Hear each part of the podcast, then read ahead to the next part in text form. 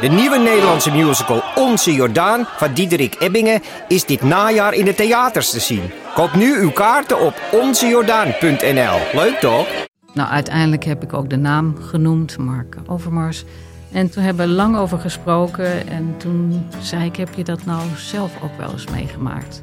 Ja, ja, ook zelf meegemaakt. Heb jij ook wel eens van die dickpics ontvangen? Ook. Ja, dat vond ik toch wel heel heftig. Ben je benieuwd naar deze verhalen en wil je niets missen? Via podimo.nl slash gonzo luister je 30 dagen gratis naar Gonzo op Podimo. podimo.nl slash gonzo Hallo, vanaf een dun bevolkte redactie van de Groene Amsterdammer is dit uw wekelijkse podcast. Ik ben Kees van der Bos.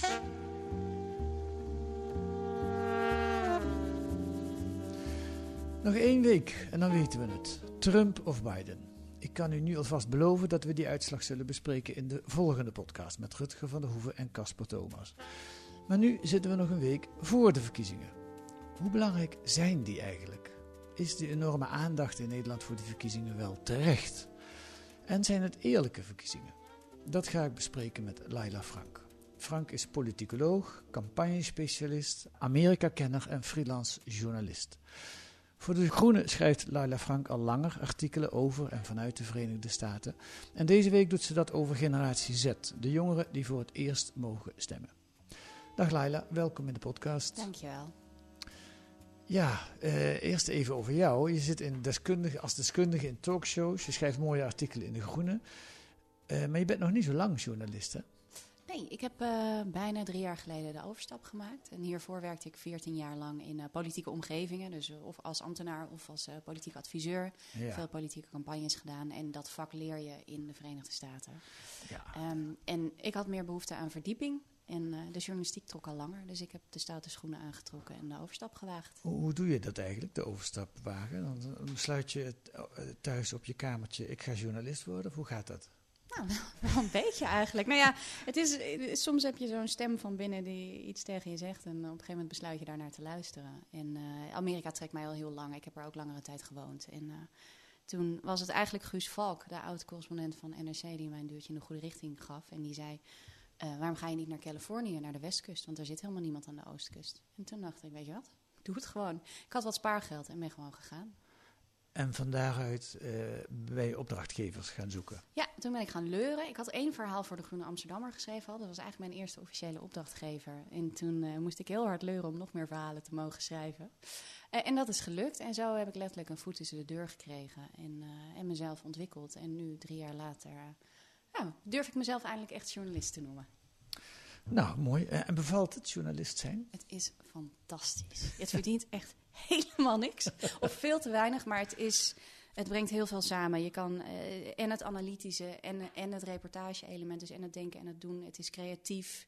Uh, je krijgt de vrijheid om alles aan elkaar te willen verbinden en, en daadwerkelijk te reflecteren op iets. Dus ja, ik vind het fantastisch. En er zijn zoveel vormen waarin je journalistiek kan bedrijven. Ik vind dat echt, ja, ik hoop dat ik het nog heel lang kan doen. Nou, uh, mooi.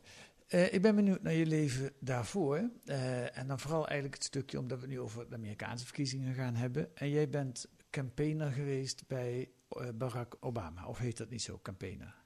Zo mag je het noemen, ja. Ik heb me aangesloten bij die campagne in 2012. Ja, hoe en gaat ik, dat? Hoe, hoe, sluit je je aan bij een campagne? Ja, het is op dezelfde manier als je besluit om journalist te worden, door het gewoon te doen. Uh, dus ik ben daar uh, heen gegaan eigenlijk om voor een senator te werken. Uh, dus ik had geregeld dat ik bij een senator in een swing state in Pennsylvania... eigenlijk als een soort veredelde stagiair aan de bak mocht. En dat leek mij zo mooi, omdat je dan... Uh, in zo'n staat is klein en tastbaar. En je zat dichter op het vuur en dichter bij zo'n senator. Ik had daar allerlei hele West Wing-achtige ideaalbeelden van. Toen kwam ik daar en binnen een week werd de campagne van die senator... van een all-round met de bus door de staatcampagne... Um, vertaald naar eigenlijk een alleen maar spotjes op televisiecampagne. Omdat die zo ver voor stond. Hmm. Dus er was voor mij eigenlijk niet zoveel te doen. En toen zei mijn baas... hiernaast zit het kantoor van de Obama-campagne... ik uh, introduceer je daar wel even... Uh, dus daar ben ik heen gegaan. Op dag 1 mocht ik kopiëren, op dag 2 mocht ik koffie zetten. Toen ik dat ook bleek te kunnen, toen werd ik Special Assistant to the Director of Special Projects. Zoals Amerikanen dat zo mooi kunnen. En, mag je de eh, niet-machine uh, bedienen? Of is het ja, wel... dat doe je dan wel als Special Assistant. Hè? Yes, Dus, um, ja. En eigenlijk binnen een week was ik wat ze noemen Field Organizer. En dan krijg je een deel van een stad of een staat aangewezen. In mijn geval een stad. Ja. Uh, en in dat deel van de stad, in Philadelphia, was een slecht deel van de stad. Um, ben je verantwoordelijk voor het registreren van kiezers? Ja, want in Amerika moet je je eerst registreren als je uiteindelijk wil stemmen. En voor de opkomst om verkiezingsdag. Nou, dat klinkt allemaal heel fancy, maar eigenlijk ben je gewoon een heel klein soldaatje in dat enorme leger wat bij zo'n campagne hoort. En je voert heel braaf de uh, bevelen uit die je krijgt. X aantal vrijwilligers op een dag werven, zoveel telefoontjes plegen, zo, langs zoveel deuren gaan, zoveel campagnekantoren openen. En aan het einde van de dag tikte je dat dan braaf in de computer en dan ging dat hup naar het hoofdkantoor in Chicago. En daar zaten de data nerds en die becijferden op basis daarvan jouw nieuwe targets voor de volgende dag. Dus ik heb echt werkelijk nog nooit in zo'n commerciële organisatie gewerkt.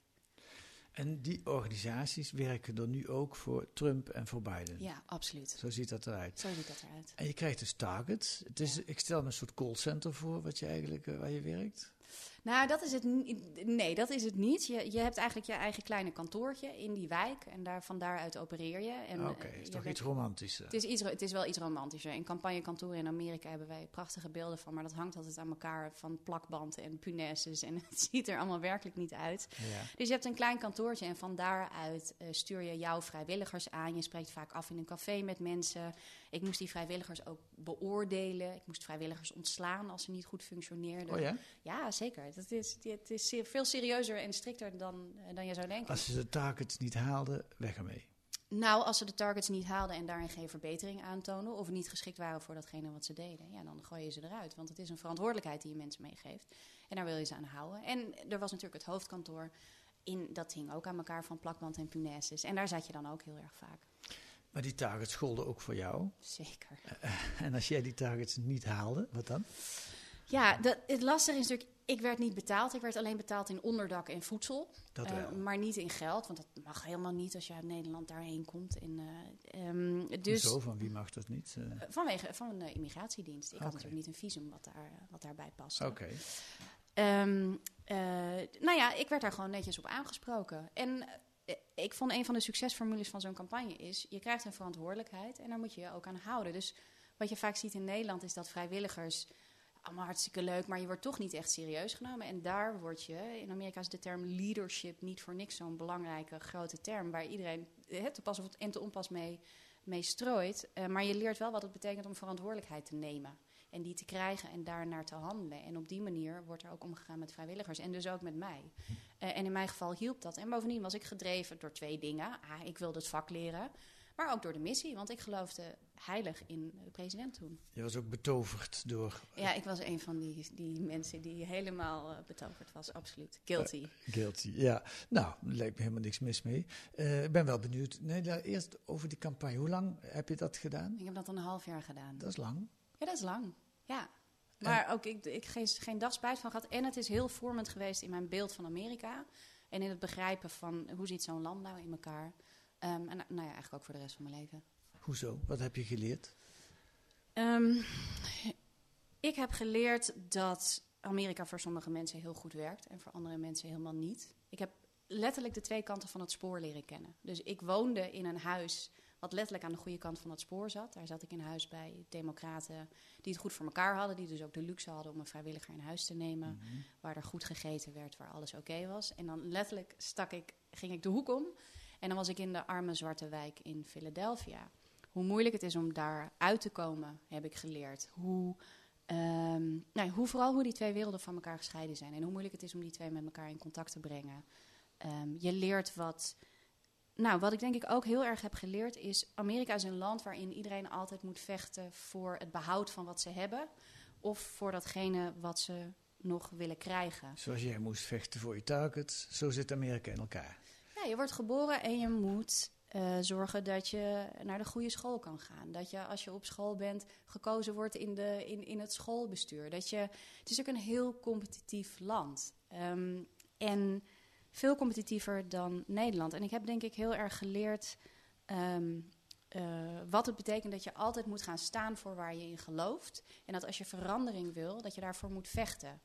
Ehm, en ik kom heel erg, ik bedoel, ik kom natuurlijk uit Nederland. En in Nederland zijn we toch iets dempender. En hè, doe maar gewoon. Het is allemaal een cliché. Maar wij vegen ehm, dingen sneller onder het tapijt. En ik, ehm, eh, ik heb bewondering gekregen voor mensen die durven gaan staan voor waar ze in geloven.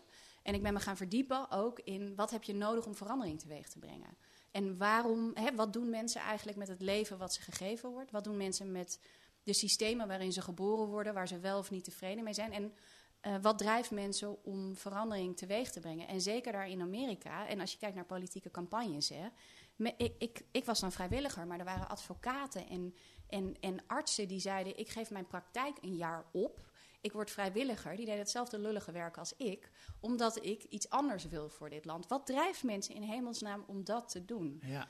En dat is ook een beetje mijn rode draad, denk ik, ook in de verhalen die ik maak voor de Groenen. Wat drijft mensen tot verandering en hoe vecht je tegen systemen als je maar een heel klein uh, poppetje in dat geheel bent?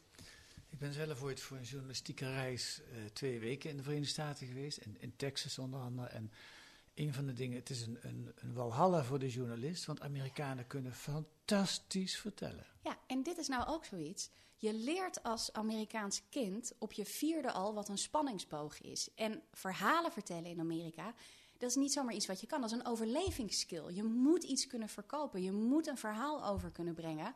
Want als jij niet doet, doet iemand anders het. Ja, en dat kunnen ze ook allemaal. Ze kunnen het fantastisch. Het is, het is, je gaat in Amerika aan een bar zitten.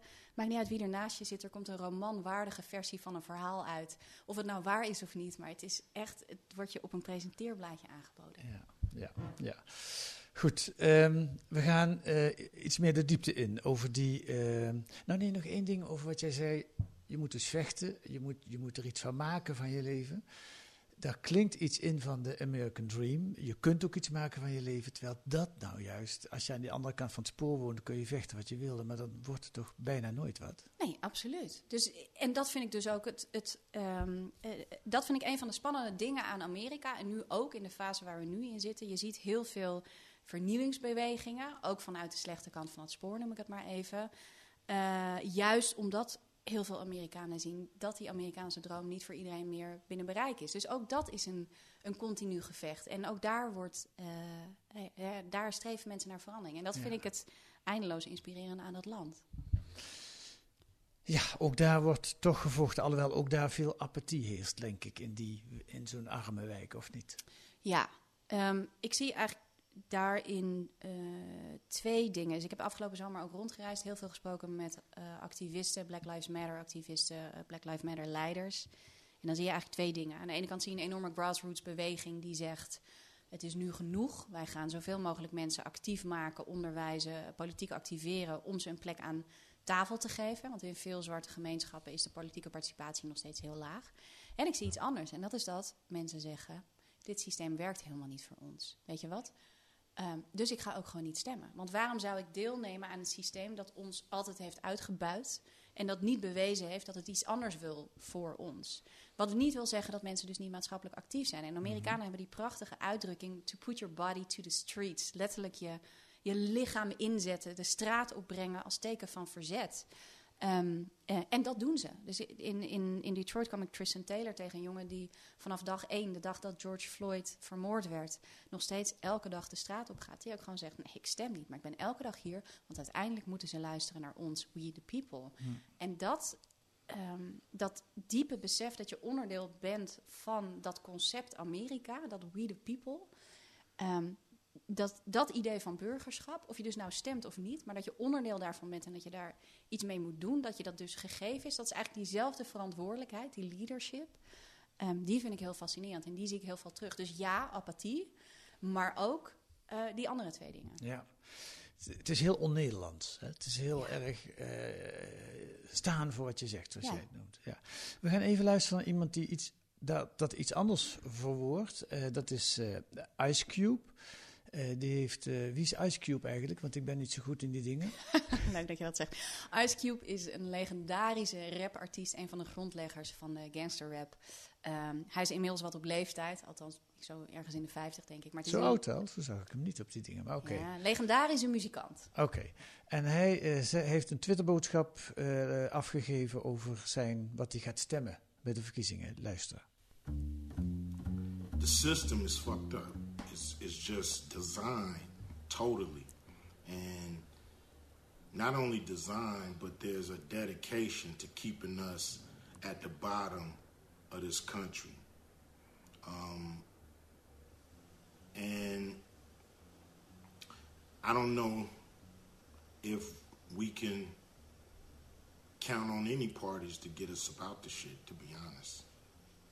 Um, everybody's been mad at me because I haven't been on the, the fucking, um, you know, the gravy train of, of these candidates, you know, especially Joe Biden and Harris, you know.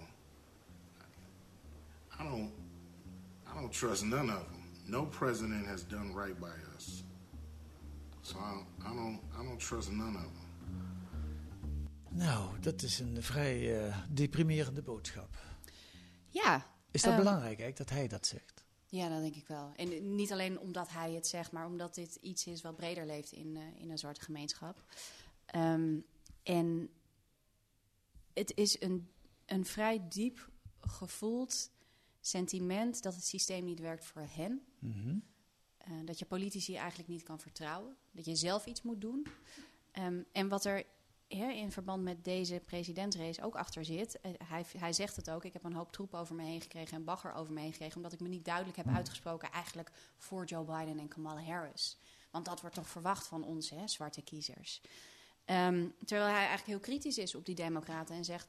oké, wat hebben ze dan gedaan? En dat is ook wat, eh, waar Donald Trump heel erg op probeert in te zetten. Dus die probeert heel erg actief die zwarte kiezers naar zich toe te trekken. Eigenlijk met de boodschap, die democraten hebben het al 50 jaar over dat ze iets voor jullie gaan doen, maar wat hebben ze nou eigenlijk gedaan? hey, en ik, onder mijn presidentschap, is er een wet getekend die de hervorming van de strafrechtketen in gang zet. Eh, er is geld vrijgemaakt voor eh, historisch zwarte ehm, universiteiten. Ehm, en ook op de grond, als ik in Philadelphia rondkijk, precies in die wijken waar ik zelf heb gewerkt. Het barst van de Trump-campagnekantoren. Zijn ze heel actief bezig om die zwarte kiezers binnen te halen. En ik vind het een hele interessante ontwikkeling. Niet alleen voor nu, want ik weet niet in hoeverre het de president wel of niet gaat lukken. Maar ook voor de komende vier, acht, twaalf jaar. Hoe gaat de positie van de zwarte gemeenschap daadwerkelijk verbeteren? Wat gebeurt er met dit sentiment in de zwarte gemeenschap van ik weet niet of we het nog aan de politiek kunnen overlaten. En wat gaan wij nu doen? Waar gaat die stem heen? Dus ik vind dat. eh, Ik heb daar ook niet meteen een antwoord op. Maar ik zie de trend en ik zie een beweging daar. En ik ben heel benieuwd waar dat heen gaat. Eh, ik denk dat Ice Cube niet gaat stemmen. Ja, dat, ja, dat, ja goede vraag. Ik, eh, als, denk je dat? Als je het zo ja, hoort, als ik het zo hoor, ja. dan, is die behoorlijk eh, eh, op een depressieve af, zou ik maar zeggen. Dat wordt niks. Ik vertrouw, vertrouw ze allemaal niet. Nou, ik vind de moedeloosheid in die boodschap en ook dat, dat monotone in die stem vind ik dus ook wel mooi. Juist omdat het zo. eh, het laat heel goed de teleurstelling zien. Maar ook, hè, dat, die, dat bericht wat hij daar doet, is, duurt zeven minuten. Waarin hij zegt: Ik ben heel goed gaan bestuderen hoe de systemen in elkaar zitten. Ik ben onze eigen geschiedenis eigenlijk heel goed gaan bestuderen. Ehm, en je hebt natuurlijk de burgerrechtenbeweging gehad in de jaren 60. En daar werd, kwam ook wetgeving uit voort. Ehm, ik, ik kan er niet helemaal woorden aan geven, maar ik denk dat je hiermee best het begin van een soort nieuwe burgerrechtenbeweging ziet binnen die gemeenschap. En ik ben heel benieuwd hoe zich dat gaat ontwikkelen. Dat brengt mij bij een, een, een, een belangrijke vraag. Ik heb ook een ander interview van jou eh, beluisterd wat je op BNR gaf. En waarin je nogal eh, ja, uit, goed uitlegde, vond ik. En dat wil ik eigenlijk vragen aan jou nog een keer te doen. Nou, laat ik het open vragen. Zijn de verkiezingen eerlijk in de Verenigde Staten? Ja. Nou, ehm, als, je, als je me vraagt of. Nee, laat ik het anders formuleren. In Amerika is het niet zo dat elke stem gelijk geldt. Of dat überhaupt elke stem geldt. Dus het Het is systeem. sowieso al heel moeilijk om te stemmen, hè? want je moet, je moet geregistreerd raken. Dat soort dingen. Maar goed. Dus ehm, ik kijk je nu ook even aan in de zin van hoeveel tijd heb ik en hoe ver mag ik hierin teruggaan. Maar eh, niet, eh, ik, ik ga het in twee stappen doen, denk ik. Niet elke stem in Amerika weegt gelijk. Het is niet one person, one vote. Het Nee. maakt al uit waar je woont in Amerika, of je stem telt. Dat heeft met het systeem van kiesmannen te maken. Het hangt ervan af hoe dik je portemonnee is. De invloed van geld in Amerika in de, in de politiek is ontzettend groot. Er zijn wetten en regelgeving waardoor je als iemand met hele grote dikke zakken ongelimiteerd geld ergens in kan pompen. Waardoor het ook nog eens niet herleidbaar is naar jou. Maar waarmee je natuurlijk wel een hele dikke vinger in de pap hebt. Het maakt uit in welke staat je woont, welke regels er zijn om toegang te krijgen tot het stemproces. Machthebbers, wetgevers in staten hebben de mogelijkheid om de grenzen van kiesdistricten op een manier te tekenen dat het gunstig is voor hen, niet per se gunstig voor de kiezers. Het beroemde gerrymandering. Het beroemde gerrymandering. Ja. En we hebben het nog niet gehad over kiezersonderdrukking. Hè? Het systeem in Amer- in Amerika heeft in de grondwet niet vastgelegd het recht om te stemmen. Nee. Dus burgerschap en het recht om te stemmen zijn van elkaar gescheiden. Vanaf het begin af aan is er al eigenlijk een soort, ja, je zou het een opt-in systeem kunnen noemen. Hè? In Nederland word je geboren, heb je automatisch het recht en krijg je je stemkaart in de bus. En je kiest ervoor om daar geen gebruik van te maken. In Amerika eh, waren het alleen de witte rijke landheren sinds het begin van de grondwet die eh, mochten stemmen. En er zijn steeds wat groepen bijgekomen. Maar de, eh, omdat het niet in de grondwet vastzit, waren de procedures altijd de bevoegdheid van de staten. En die hebben altijd geprobeerd om groepen buiten te houden. Historisch gezien vaak zwarte kiezers. ja. Ehm, En dat is niet zomaar kiezers buiten houden. Je probeert je politieke tegenstanders er buiten je te probeert je houden. politieke tegenstanders Ja. buiten te houden. Ja. En dat gebeurt nog steeds. En daarom is het ook van, ja, zijn het eerlijke verkiezingen? Niet iedereen heeft gelijke toegang tot dat stemproces. Dat maakt het per definitie niet eerlijk. Nee. Ehm, en het zijn de machthebbers die de baas zijn over het inrichten van dat proces. Ehm, en dat zijn ook gewoon kiezers. Eh, maar dat, eh, dus inherent in, in, dat systeem, in dat Amerikaanse systeem zit dus eh, ehm, ingebakken dat niet iedereen toegang heeft tot het stemproces op een gelijke wijze. En dat maakt het oneerlijk. Ik weet, En- Ja, en, en, hoe oneerlijk is het dan? Wat, wat zegt het wat eruit komt uit die verkiezingen? eh, ik weet niet of ik je vraag goed begrijp. Nou, het is, ze zijn dus niet eerlijk. Het is niet one man, one vote. Heel veel mensen mogen niet stemmen. Eh, nou ja, ik ga niet herhalen wat jij allemaal gezegd hebt. Hè. Wat, wat voor gevolgen heeft dat voor de verkiezingen? Dus straks hebben we of Trump of Biden. Ja. Eh, wat kunnen we daar, eh, is dat, hoe is dat dan tot stand gekomen? Nou ja, ehm, ik twijfel nu even. eh, nou ja, het is niet tot stand gekomen met de volledige participatie van de Amerikaanse bevolking, sowieso. Hè. Historisch gezien is het ongeveer 60% van de Amerikanen die een stem uitbrengt op deze verkiezingsdag. Dan stem je dus niet alleen voor de president, maar ook voor de Senaat en het congres. Ehm, de verwachtingen zijn dat het dit keer hoger is, de opkomst. Ik ben heel erg benieuwd. Weet het oprecht niet. Mhm. Ehm, en nu ben ik eigenlijk afgeleid, want dan weet ik je vraag gewoon niet meer. Nou ja, ik, ik, ben op, ik ben op zoek naar hoe oneerlijk is het? Dus is het, Ah, eh, eh, hoe moeten we die democratie in Amerika, het, de, de, daar, wat voor punt moeten we die geven? Hoe moeten we dat beoordelen? Nou, als niet wij het beoordelen, maar de Universiteit van Sydney en de Harvard University, die stellen één keer per jaar een lijst op, waar, op waarover het gaat over de electorale integriteit. Ze noemen het die Electoral Integrity Index. Een beetje een chic woord voor eh, voldoe je nou gewoon aan de normale wetten van, van goed bestuur. Ja. Dan bungelt Amerika op plek 57. Dat is de na laatste plek van alle westerse liberale democratieën. Zo erg is het. Zo erg is het. En dat komt dus gewoon omdat dat proces niet voor iedereen toegankelijk is, omdat geld meer invloed heeft, omdat het uitmaakt waar je woont Ja. en omdat wetgevers het dus gewoon echt moeilijk kunnen maken voor kiezers om naar een stembus te gaan. Dat brengt me bij de volgende vraag. Geven wij dan niet veel te veel aandacht aan die Amerikaanse verkiezingen? Nou, ik denk dat we eh, ehm, de manier waarop we daar aandacht aan besteden, eh, dat we dat wel eens onder de loep mogen leggen. Het is natuurlijk heel sexy. Hè? Het is een horse race. Het, eh, het zijn twee kandidaten tegen elkaar. Ja. Dat is lekker voor een, voor een smeuig artikel. Wie van de twee gaat er winnen? Neuslengte voor, neuslengte achter. Ja. Dat, daar houden wij van, journalisten. Nou ja, dit- ik denk dat het een bepaald type journalist is die ervan houdt. Ehm, ik, ik, ik ben er toevallig niet eentje van. Ik bedoel, het, is- het is onderdeel van het proces. En natuurlijk moet je het ook over die horse race hebben. En het systeem is ook daarop gebouwd. Maar uiteindelijk... eh, nee, laat ik het anders zeggen. Ik vind de verhouding op dit moment... Hè, ik kom net terug uit Amerika. Het is ontzettend onrustig in het land. Mensen maken zich zorgen over lijven en leden. Die coronacrisis heeft ongelooflijk veel effect op... eh, vrouwen die thuis zitten met kinderen, gewoon op iedereen die wel of niet een baan heeft. Hebben ze nog een zorgverzekering? Eh, er zijn hotels in Florida die verlaten zijn, waar gewoon nu allemaal dakloze mensen wonen omdat ze hun huis uitgezet zijn. Die onrust is er. Er is de onrust over het vertrouwen in het politieke systeem. Is de uitslag wel eerlijk? Wat gaat er gebeuren?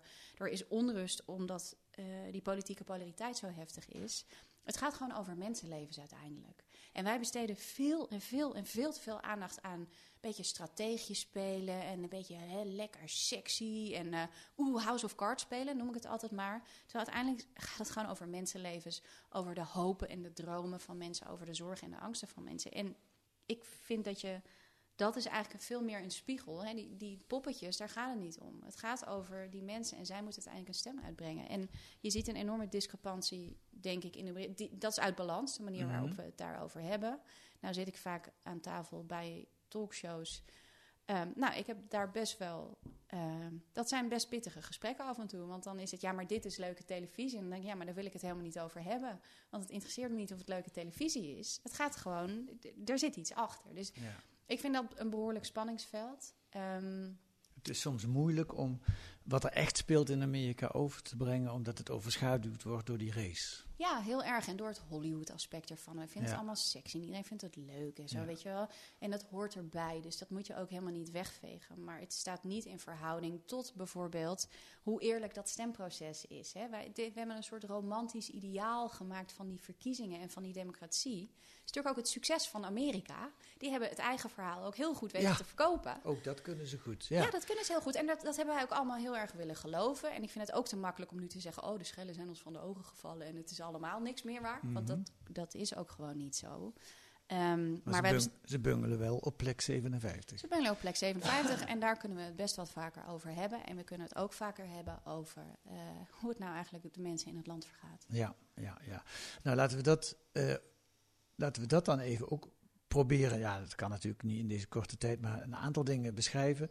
Uh, ik, ik, lees in jouw artikel ook die. Ehm, uh, de bankencrisis uit 2008 heeft daar nog veel grotere gevolgen. Daar wordt nu niet meer over gesproken, maar dat heeft heel veel mensen in hun leven geraakt, tot op de dag van vandaag. Ja. Dan heb je het Oxycontin-schandaal.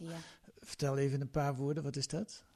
Uh, dat is eigenlijk de opiaatcrisis, als ik het heel plat sla. Uh, en uh, dat waren, Oxycontin waren, was pijn, waren pijnstillers die heel verslavend zijn. Er zit een heroïne-element in. De farmaceutische industrie, die wist dat het verslavend was, heeft dat verzwegen. En heeft eigenlijk met hele agressieve verkooptactieken het halve land verslaafd gemaakt. Als ik het even heel kort plat sla. Ja, want het is, dus er gaan tienduizenden Amerikanen per jaar sterven eraan. Ja, en het is echt ongelooflijk verdrietig. Het heeft hele gemeenschappen kapot gemaakt. Er stond een prachtig verhaal in een van de grote kranten, Hou met een goede welke. En die vertelde het verhaal aan de hand van een jaarboek uit Ohio uit 1996. Hè, zo aan het einde van je middelbare school, dan heb je dat jaarboek. Al die kinderen die vol belofte stonden aan het begin van het jaar. En nu hebben ze dus twintig jaar later een, een reportage gemaakt over diezelfde kinderen in dat dagboek, of in dat, in dat jaarboek. Verslaafd, dood, of een familielid verslaafd of dood.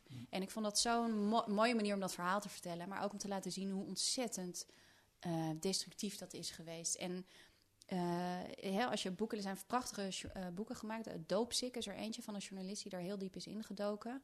En die laat ook heel mooi zien dat alle waarschuwingssignalen van artsen, van iedereen die erbij betrokken was, keihard genegeerd zijn door Washington, hè, wat ze dan noemen de elite. Um, en want die hebben geluisterd naar de lobby van de farmaceuten en niet naar de verhalen van de mensen waar het over ging. En dan komen we weer bij wat je net vertelde, het belang van geld in de Verenigde Staten. Dus de, je kunt gelijk hebben, dat is één ding, maar als je geld hebt, dan heb je toch vaker gelijk. Ja, gelijk hebben en gelijk krijgen zijn twee hele verschillende dingen.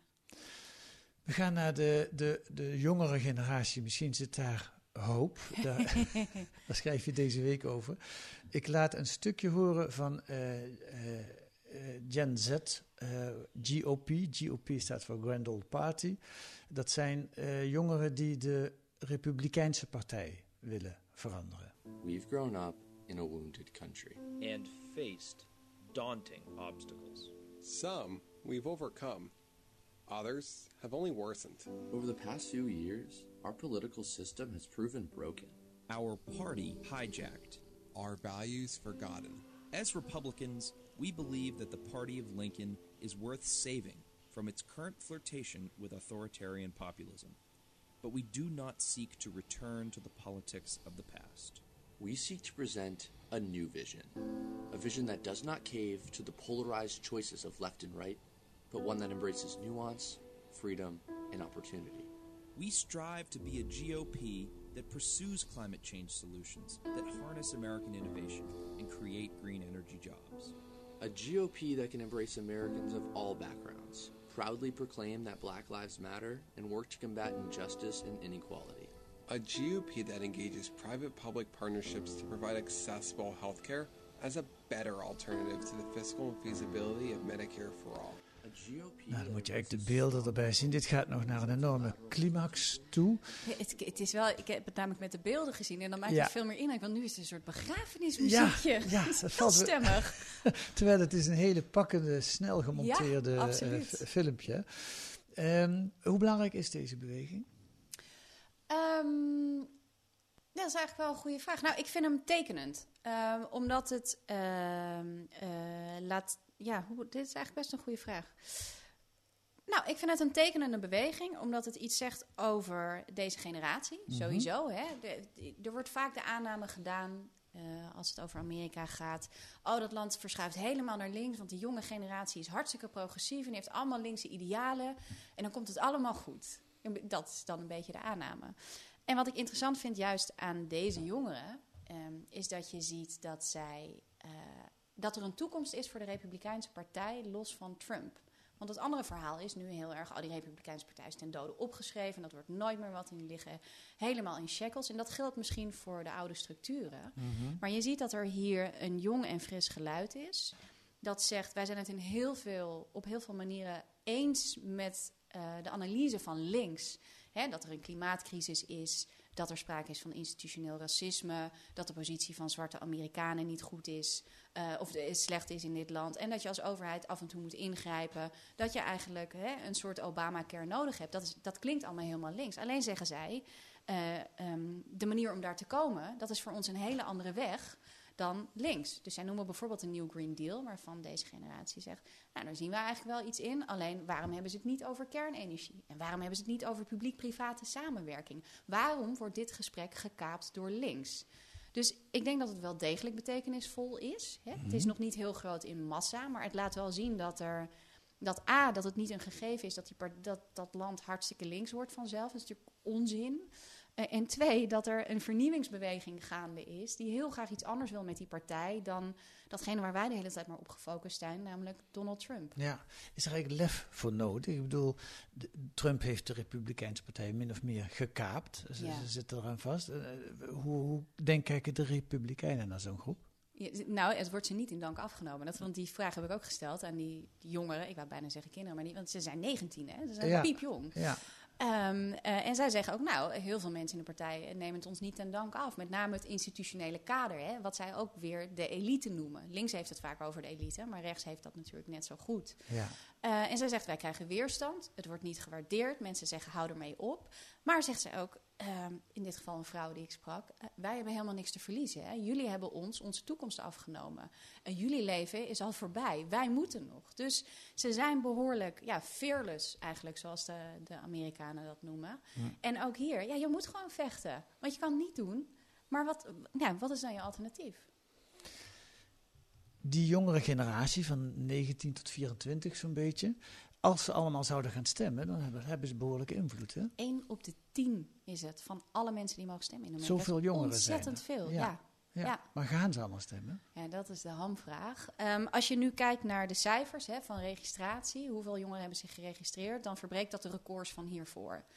Ehm, of ze dan daadwerkelijk gaan stemmen, ja, dat, dat is uiteindelijk de vraag. Ik heb het ook gevraagd aan al die jongeren die ik heb geïnterviewd. Eh, zij gaan dan zelf wel en ze, ze hangen ergens tussen hoop en vrees in. En met Ja. name de lin- linkse jongeren zeggen... Ja, ik hoop het, maar ja, ze zijn natuurlijk ook lui en het is niet voor iedereen belangrijk. En de enigen die zeggen, oh hel ja, ze gaan stemmen, dat zijn de rechtse jongeren. En die jongeren van deze eh, Gen, Gen Z, Gen- Generation Z, van, dit, van die Republikeinen, gaan die dan op Trump stemmen? Als Nee, je, allemaal op Biden. die gaan op Biden stemmen. Ja. Goed, volgende week eh, weten we het. Ik ga je nog. eh, eh, er is nog één ding heel erg spannend aan die verkiezingen. Is stel dat Biden. Nee, laat ik het eerst anders vragen. In dat interview dat ik beluisterd heb van jou een paar maanden geleden, voorspelde je nog dat Trump waarschijnlijk wel herverkozen zou worden. Hamvraag. ja, hoe denk je dat nog steeds? Het is, ja, het is zo'n moeilijke vraag om te beantwoorden. Ehm, eh, ik, ik durf je dat eigenlijk gewoon echt niet te zeggen. Ik, toen ik een maand geleden daar In de vertrok... peilingen staat Biden ver voor, toch? Precies, maar toen ik een maand geleden daar vertrok... ik bedoel, en de trend in de peilingen is ook constant... en dat is ook anders dan in 2016. Eh, Biden haalt meer geld op. Dus dat wijst er allemaal op dat hij het inderdaad kan gaan winnen. Toen ik er een maand geleden vandaan kwam... ik ben nu denk ik inmiddels drie of vier weken terug... Ehm, en je reist door het land en je, je zuigt op en je proeft en je ruikt en je voelt wa- waar mensen het over hebben en hoe dat gaat. Bekoopt mij toch het gevoel dat de president ehm, nog steeds een hele, hele, hele goede kans heeft. En wat lastig is aan deze verkiezingen is heel veel gebeurt achter de schermen. Joe Biden voert amper campagne, hij doet het wel, maar het is allemaal veel minder bereikbaar. Er ge- gebeurt veel meer online. Ehm, de, de, de, de achterban van de president is oud en loud en proud. Daar is helemaal niks stils meer aan. Ehm, en tegelijkertijd zou het best kunnen zijn dat de silent majority dit keer... Hè, de Biden-stemmers zijn die niet trots zijn voor het grootste deel op hun stem. Die ook allemaal niet zo heel blij zijn met Biden. Ze zijn er, maar niet in overweldigende mate. Maar die doen wat ze moeten doen. Een beetje de dienstplichtstem, noem ik het altijd. Ik heb geen antwoord gegeven op je vraag, maar ik kan het ook echt niet. Nee, nee da- daarmee heb je hem toch ook wel een beetje beantwoord. Stel dat Biden wint, dan wordt het nog spannend. Ik laat je even een eh, kleine collage horen die de NOS eh, achter elkaar zetten van uitspraken van Trump over als, wat er gebeurt als hij de verkiezingen niet wint. The only way we're going to lose this election is if the election is rigged. Remember that. It's the only way we're going to lose this election. Er is geen begin van een bewijs voor, maar de president houdt het zijn aanhang al maanden voor. Hij zegt het overal waar hij komt. It's fraud with fraud. You'll have tremendous fraud. They want to try and steal this election. It's going to be the greatest fraud in the history of elections.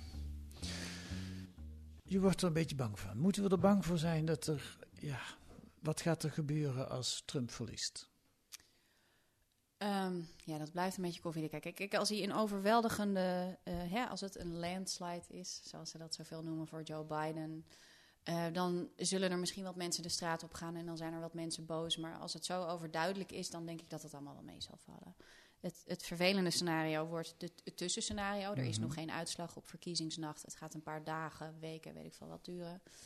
Ehm, ik denk dat de president als hij ten onder gaat, strijdend ten onder gaat. Dus hij zal nooit zomaar eh, zich gewonnen geven, denk ik. Eh, ik acht het waarschijnlijk dat hij het gaat juridiseren, dat er allerlei juridische gevechten komen. Ehm, en ook als hij dan verliest, kan hij zeggen: Zie je, ik heb er alles aan gedaan. Ik heb gevochten als een leeuw. Eh, en als het moet, dan ga ik. Dus ehm, Het is toch eigenlijk ongekend dat een politicus die meedoet aan de verkiezingen zo praat over de mogelijkheid dat hij verliest. Dan moet het fraude zijn als ik verlies. Dat zou, in Nederland is dat toch ondenkbaar? Nee, je, je weet niet of het ondenkbaar is. Ehm, het zou best kunnen dat er ook politici zijn in Nederland die. Hè, er, er wordt heel veel gekopieerd natuurlijk, bij onder de populisten. Maar tot nog toe is Tot het nog heel toe is het niet gebeurd. Ja. Ja, en het is. ehm, eh, hij heeft het ook gedaan in 2016, overigens, president Trump. Die heeft toen ook gezegd: Het is belachelijk, die 3 miljoen popular vote. hè. Hillary had 3 miljoen stemmen meer. Dat is ook belachelijk. En hij heeft een, een onderzoekscommissie ingericht om fraude te onderzoeken. En dat is echt Ja. als een nachtkaarsje uitgegaan, want er is niks mee gebeurd. Eh, nee, het is natuurlijk alleen al het feit dat de president flirt met dit idee is schadelijk. Ja, ja. Laila Frank, dankjewel voor dit gesprek en voor je mooie artikel in De Groene.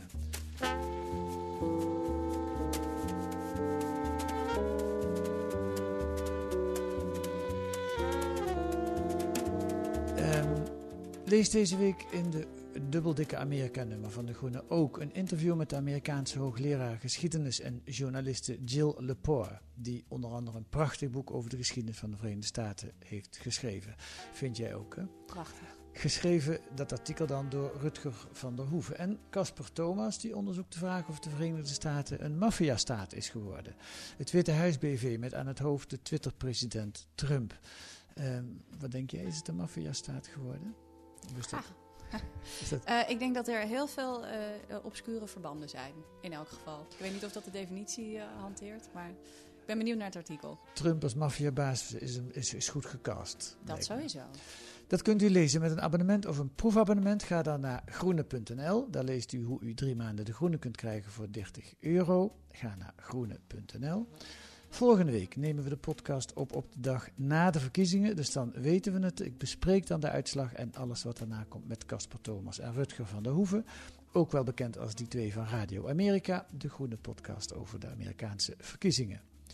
U kunt reageren via de mail. Ons adres is podcast.groene.nl. U kunt ons ook sterren geven in uw podcast-app of een korte recensie geven.